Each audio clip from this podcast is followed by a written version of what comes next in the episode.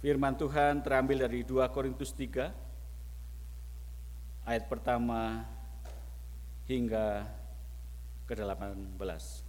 Adakah kami mulai lagi memujikan diri kami? Atau perlukah kami seperti orang-orang lain menunjukkan surat perjanjian kepada kamu atau dari kamu? Kamu adalah surat pujian kami yang tertulis dalam hati kami, dari yang tertulis dan yang dapat dibaca oleh semua orang. Karena telah ternyata bahwa kamu adalah surat Kristus yang ditulis oleh pelayanan kami, ditulis bukan dengan tinta, tetapi dengan roh dari Allah yang hidup, bukan pada loh-loh batu, melainkan pada loh-loh daging, yaitu di dalam hati manusia. Demikian besarnya keyakinan kami kepada Allah oleh Kristus. Dengan diri kami sendiri kami tidak sang, sanggup untuk memperhitungkan sesuatu seolah-olah pekerjaan kami sendiri. Tidak. Kesanggupan kami adalah pekerjaan Allah ialah membuat kami juga sanggup menjadi pelayan-pelayan dari suatu perjanjian baru yang tidak terdiri dari hukum yang tertulis, tetapi dari roh. Sebab hukum yang tertulis mematikan, tetapi roh menghidupkan. Pelayanan yang memimpin kepada kematian terukir dalam huruf pada loh-loh batu. Namun demikianlah kemuliaan Allah menyertainya waktu ia diberikan. Sebab sekalipun pudar juga, cahaya muka Musa begitu cemerlang, sehingga mata orang-orang Israel tidak tahan menatapnya. Jika pelayanan itu datang dengan kemuliaan yang demikian, betapa lebih besarnya lagi kemuliaan yang menyertai pelayanan roh. Sebab jika pelayanan yang memimpin kepada penghukuman itu mulia, betapa lebih mulianya lagi pelayanan yang memimpin kepada pembenaran. Sebenarnya apa yang dahulu dianggap mulia, jika dibandingkan dengan kemuliaan yang mengatasi segala sesuatu ini, sama sekali tidak mempunyai arti. Sebab jika yang pudar itu disertai dengan kemuliaan, Betapa lebihnya lagi yang tidak pudar itu disertai kemuliaan. Karena kami mempunyai pengharapan yang demikian, maka kami bertindak dengan penuh keberanian. Tidak seperti Musa yang menyelubungi mukanya, supaya mata orang-orang Israel jangan melihat hilangnya cahaya yang sementara itu. Tetapi pikiran mereka telah menjadi tumpul Sebab sampai pada hari ini selubung itu masih tetap menyelubungi mereka. Jika mereka membaca perjanjian lama itu tanpa disingkapkan. Karena hanya Kristus saja yang dapat menyingkapkan.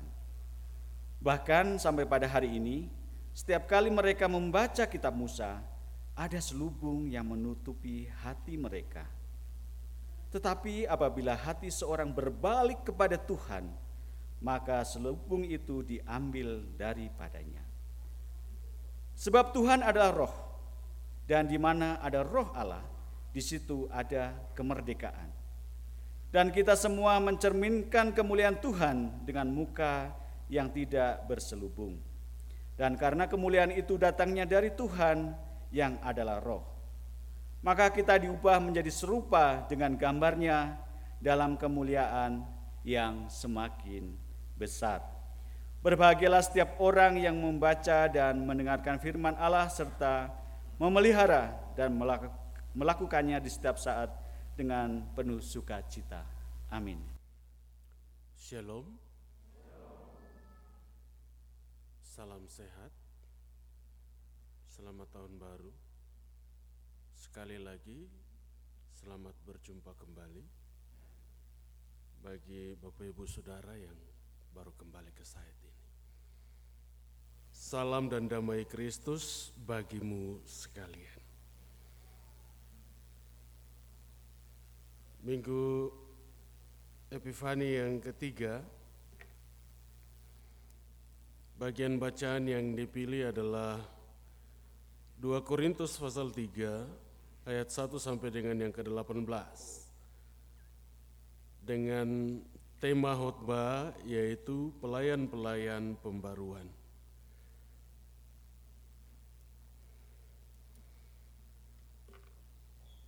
Ada lima pokok utama tentang makna pembaruan berdasarkan 2 Korintus pasal 3 ayat 1 sampai dengan yang ke-18. Di antaranya yang pertama adalah surat pujian Kristus. Kemudian yang berikut adalah pelayan-pelayan perjanjian baru. Yang ketiga adalah kemuliaan Allah. Yang keempat Kristus penyingkap selubung perjanjian lama, dan yang kelima adalah kemerdekaan di dalam roh Allah. Dalam memaknai tema di kuartal yang pertama ini, pembaruan Tuhan kepada manusia. Maka di Minggu Epifani yang ketiga, kita akan memaknai pelayan-pelayan pembaruan. Di dalam penjelasan bagian bacaan teks Alkitab, ayat 1 sampai dengan ayatnya yang keempat, berbicara tentang surat pujian Kristus. Yaitu surat pujian yang ditulis oleh Allah sendiri di dalam hati manusia. Surat pujian ini dijelaskan Paulus bukan ditulis dengan tinta seperti hasil karya manusia, tidak lagi ditulis pada loh-loh batu seperti sepuluh firman dan peraturan-peraturan yang diterima Musa di Gunung Sinai. Keluaran pasal 19 sampai dengan yang ke-24. Tetapi pada loh-loh daging yaitu di hati manusia dan itu ditulis oleh roh dari Allah yang hidup atau pekerjaan dari Allah sendiri. Karena itu surat pujian ini disebut sebagai surat Kristus yang hidup. Yang dijelaskan dengan kata, kamu adalah surat Kristus.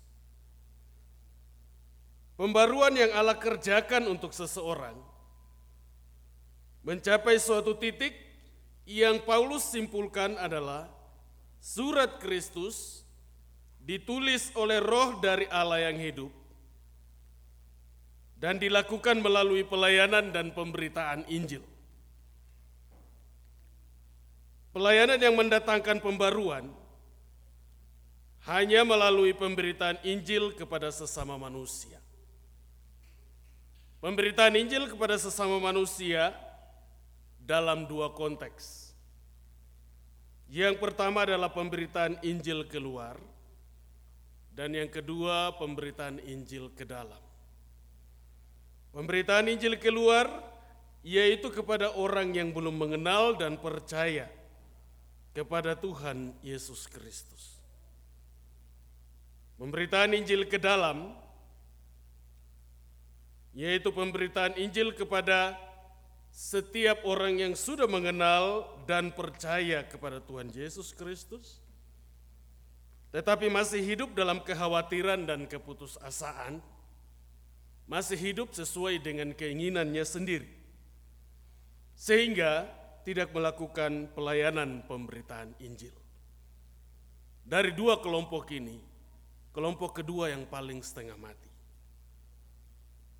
Kelompok yang kedua yang paling repot, karena orang-orang ini sudah mengenal Kristus, mempunyai pengalaman rohani tersendiri, mempunyai pengalaman berjalan bersama Tuhan, maka sering kali terjadi perdebatan, bahkan berujung kepada penolakan. Pembaruan yang kedua di ayat 5 dan yang ke-6 yaitu tentang pelayan-pelayan perjanjian baru. Terkait dengan era kebangkitan pelayan-pelayan perjanjian yang baru, Artinya pada era perjanjian lama ada Musa sebagai perantara dan yang bertindak sekaligus sebagai imam besar Allah. Yang membacakan, menuliskan, dan memberitakan sepuluh firman dan peraturan-peraturannya. Juga mendirikan mesbah penyembahan bagi bangsa Israel. Keluaran pasal 24 ayat 1 sampai dengan yang ke-11. Bagian bacaan minggu kemarin. Dan masa setelahnya adalah masa Kristus sebagai masa perjanjian yang baru yang digerakkan oleh pelayan-pelayan perjanjian baru itu. Yang diungkapkan oleh Paulus dengan kata, kesanggupan kami adalah pekerjaan Allah.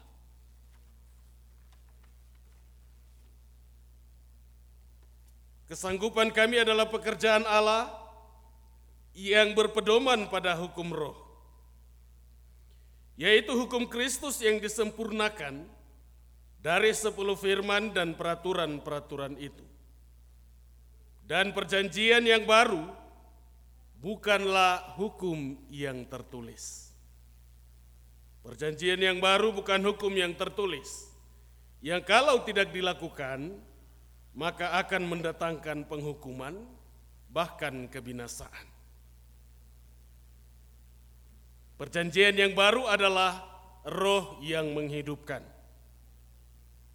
Artinya pelayanan yang membawa kepada kehidupan yang kekal. Karena itu, semua orang yang percaya kepada Kristus hendaknya menyadari hal ini dan melakukan pemberitaan Injil dalam praktek kehidupan tiap-tiap hari. Pembaruan yang ketiga, ayat 7 hingga ayatnya yang ke-11, yang berbicara tentang kemuliaan Allah. Yakni kemuliaan yang menyertai pelayanan roh, yaitu pelayanan yang memimpin kepada pembenaran. Musa menjadi jalan masuk atau perantara untuk manusia mengerti, mengenal dan mengetahui tentang pelayanan yang memimpin kepada kematian yang diukir pada loh-loh batu. Pada zaman Musa, Tuhan Allah menyertai Musa dengan kemuliaannya. Tetapi di dalam Kristus, Kemuliaan Allah melalui rohnya selalu menyertai pelayanan-pelayanan manusia. Dan pelayanan di dalam roh Allah itu memimpin kepada pembenaran. Pembenaran yaitu proses atau cara atau perbuatan membenarkan. Artinya, memuliakan Allah melalui pelayanan kepada sesama manusia.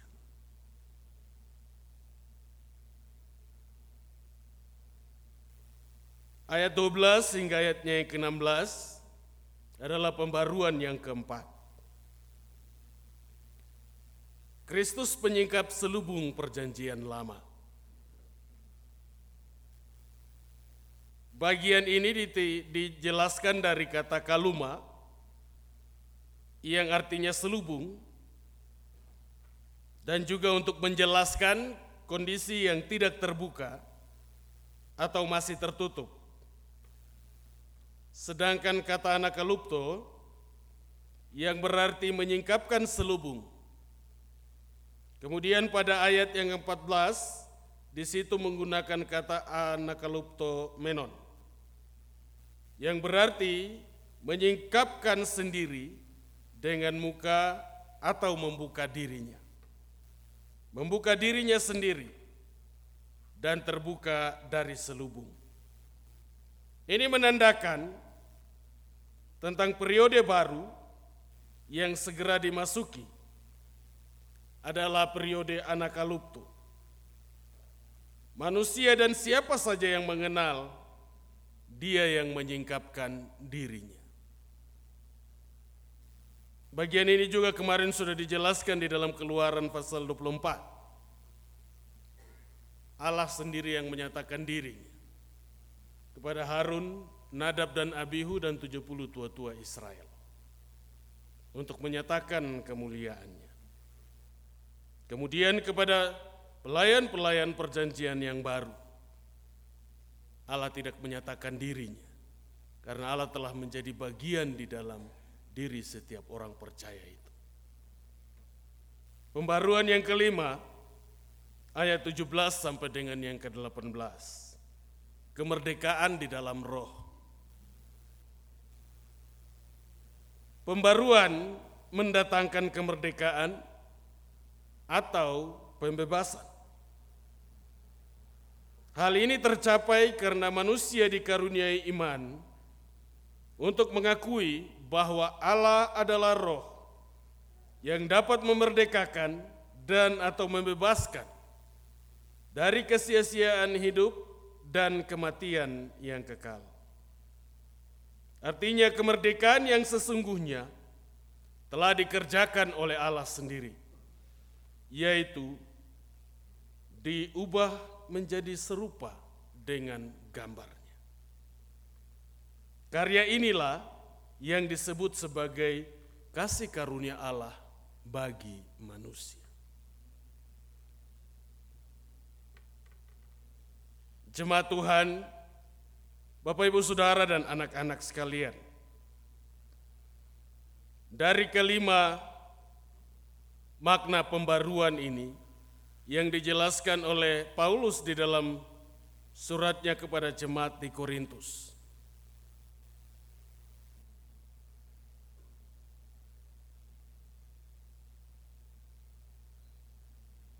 mau mengingatkan kepada kita bahwa pembaruan-pembaruan itu menjadi dasar dan acuan kualitas pemberian diri kita dari pembaruan yang sudah Allah kerjakan. Bahwa hari ini setiap pribadi orang percaya adalah surat Kristus atau contoh dan teladan Kristus yang dalam bahasa Paulus disebutkan sebagai surat pujian Kristus. Yang kedua, setiap pribadi dan orang percaya adalah pelayan dari perjanjian yang baru atau juga pelaku-pelaku firman yang hidup. Yang ketiga, pelayanan pelayanannya membuahkan atau berdampak pembenaran. Yang dimaksud pembenaran yaitu memuliakan Tuhan. Pesan firman Tuhan dari penerapan ini menegaskan banyak makna, nilai, pesan, dan petunjuk hidup yang perlu diperhatikan. Bagi setiap kita, yang berstatus orang-orang percaya dan juga sebagai pelayan-pelayan pembaruan yang telah dikerjakan Allah. Yang pertama, perubahan sifat dan cara hidup merupakan pujian yang dibutuhkan sebagai saksi Kristus. Sekali lagi, berita Natal ini kembali didengungkan kembali disampaikan, kembali ditekankan bahwa perubahan sifat dan cara hidup merupakan pujian yang dibutuhkan sebagai saksi Kristus. Diingatkan kembali cara hidup di tahun yang lama, cara berpikir di tahun yang lama sudah mulai harus dirubah. Tidak bisa hidup dengan cara yang lama terus. Sudah harus ada perubahan. Kalau kemarin hidup untuk diri sendiri, mulai memasuki tahun 2023 ini berusaha untuk hidup bagi banyak orang. Hidup dalam persekutuan. Jangan hidup bagi dirimu sendiri.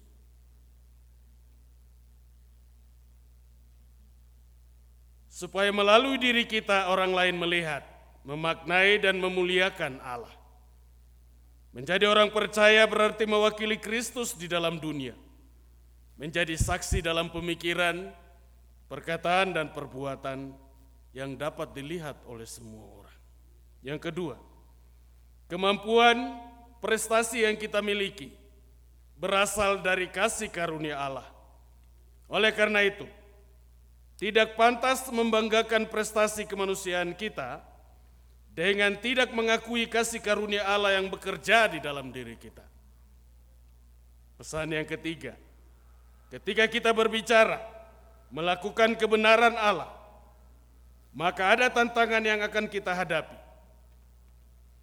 Tetapi nilai tetap sebagai pengikut Kristus adalah kita dipanggil menjadi surat kiriman Kristus yang hidup. Surat yang terbuka untuk dibaca dunia ini. Kita menjadi surat pujian. Hidup kita ditulis oleh roh, bukan oleh tinta duniawi yang dibuat tangan-tangan manusia. Dan yang keempat, banyak kemuliaan, banyak kebenaran, banyak roh di dalam dunia ini. Tetapi hanya ada satu kemuliaan, satu kebenaran, dan satu roh yang menghidupkan dan menyelamatkan, yaitu yang datangnya dari Allah, Yesus Kristus dan Roh Kudus. Kemuliaan kemanusiaan kita atau selubung yang menyelubungi pikiran kita, hati kita, perbuatan kita, hidup kita yang bertentangan dengan kebenaran kemuliaan Allah harus dibaharui dalam roh agar hidup kita sungguh-sungguh menjadi surat pujian Kristus yang benar dan tidak menjadi surat-surat yang palsu.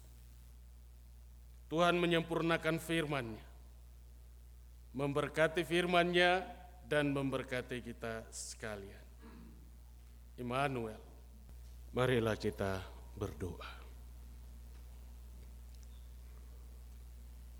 Terpujilah namamu, Ya Allah, ya Tuhan kami, yang terus menyertai perjalanan kehidupan kami, melengkapi kehidupan kami dengan berkat-berkat, kemudian menuntun dan mengarahkan kami untuk tidak lagi hidup di luar persekutuan, tetapi membawa diri dan kehidupan kami masuk ke dalam persekutuan bersama jemaat Tuhan. Di dalamnya kami memuji dan mengagungkan namamu. Kami belajar dari kebenaran firman dan kami mempersembahkan segala sesuatu yang terbaik yang kami miliki. Bapa di sorga, inilah ibadah dan sembah kami. Kiranya rohmu yang kudus menyempurnakan penata layanan dan penyembahan kami umatmu di hari ini. Tuhan memeteraikan dan menyempurnakan pemberitaan kebenaran firman dalam hati dan pikiran semua umatmu, semua pendengarmu di hari ini. Dan biarlah firmanmu menuntun dan mengarahkan semua orang percaya ini untuk hidup dalam pembaharuan, hidup dalam pengenalan dan kasih Kristus yang sungguh, hidup dalam iman dan percayanya, yang diwujud nyatakan dalam aktivitas kehidupan, dalam keluarga dan rumah tangga, di dalam pekerjaan-pekerjaan dan tanggung jawab mereka masing-masing. Sehingga seluruh dunia ini melihat Kristus, melihat Allah, di dalam wajah kehidupan orang-orang percaya ini. Ya Bapa di sorga,